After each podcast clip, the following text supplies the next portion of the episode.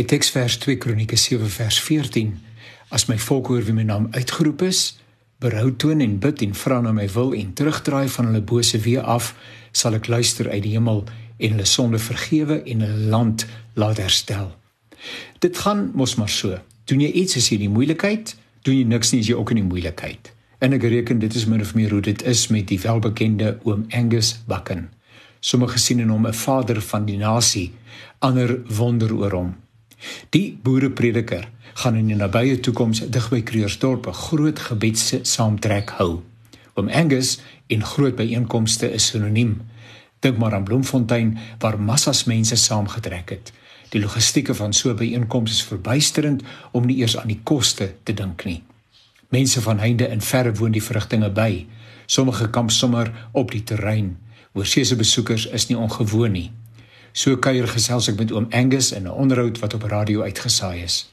Ek verwys na Suid-Afrika en sy vele uitdagings. Getrou aan sy vertrekpunt as oplossing vir al die probleme wat ons plaaslik en wêreldwyd in die gesig staar, verwys hy my na 2 Kronieke 7 vers 14. Die teks, ek het dit bo aangehaal, is oorbekend. Die teks vorm die basis van gebede wat vir baie jare reeds gebid word.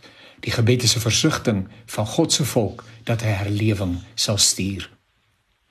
Herlewing het daarmee te doen dat mense, God se mense vernaam, tot nuwe lewe gewek word.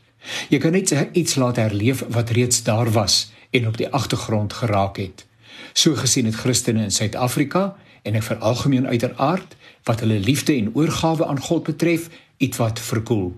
Of dit waar is van jou wat hier lees, moet jy self besluit. Of dit waar is van Christene in Suid-Afrika oor die algemeen, nou ja, dit het dalk meriete. Dalk het die toksiese omgewing waarin ons onsself bevind iets met Christene se louheid te doen. Oom Angus verwys my na die teks in Openbaring. As julle maar koud of warm was, maar nou is julle lou. Ek sal julle uit my mond spoeg. Sjoe, ontstellende woorde. Behalwe vir die moontlikhede wat die teks in 2 Kronieke 7 vers 14 ontsluit. Die teks begin met as my volk. Dis 'n bitter pil om te sluk. Dat Suid-Afrika dalk lyk soos hy lyk omdat God se kinders, sy volk, die pad byster geraak het.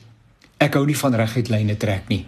Maar kom ons oorweeg dit vir 'n oomblik. Ek by myself en jy by jouself.